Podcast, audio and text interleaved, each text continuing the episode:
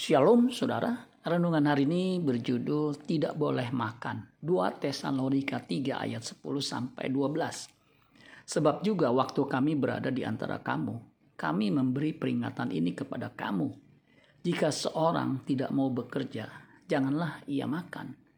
Kami katakan ini karena kami dengar bahwa ada orang yang tidak tertib hidupnya dan tidak bekerja melainkan sibuk dengan hal-hal yang tidak berguna.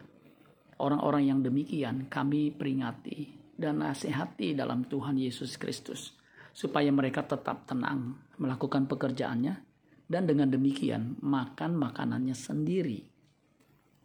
Mengapa Paulus begitu keras memperingatkan jemaat di Tesalonika yang tidak mau bekerja?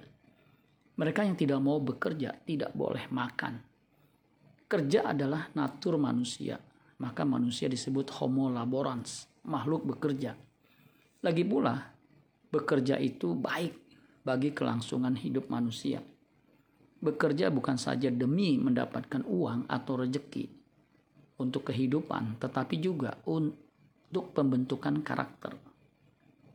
Sebenarnya kita berkarir mencari nafkah itu dasarnya bukan karena kita sedang mencari pemenuhan kebutuhan jasmani saja, melainkan supaya kita bisa melewati hidup guna fokus kehidupan yang akan datang. Jadi benar sekali jika orang Kristen tidak mau bekerja, janganlah ia makan. Amin buat firman Tuhan. Tuhan Yesus memberkati. Sola Gracia.